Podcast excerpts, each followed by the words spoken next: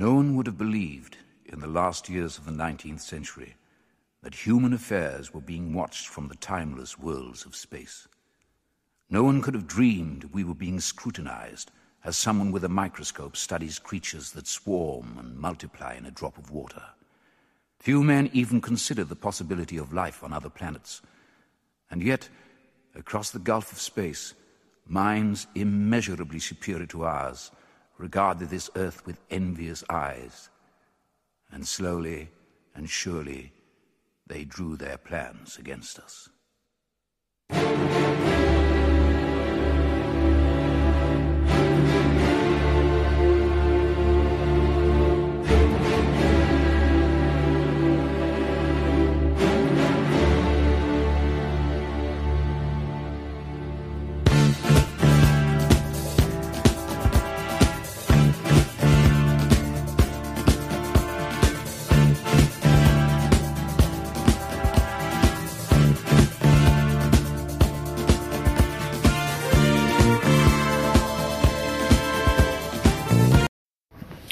Hello, welcome to our podcast. I'm Yiğit. Today I have Emre as a guest. Please introduce yourself.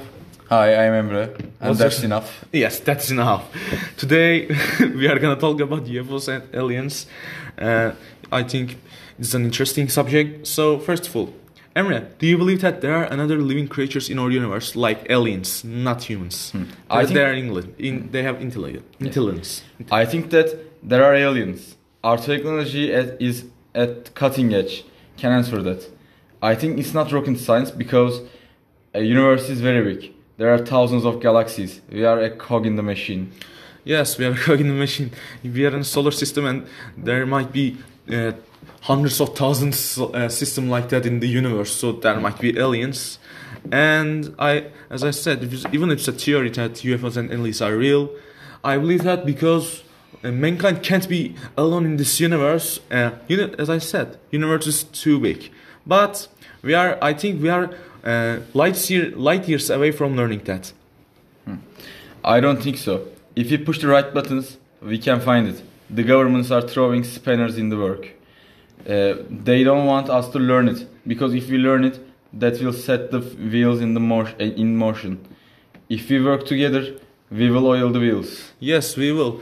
But it's uh, I can I think they are right for us to not uh, telling it because there will be very big chaos as you said, Yes.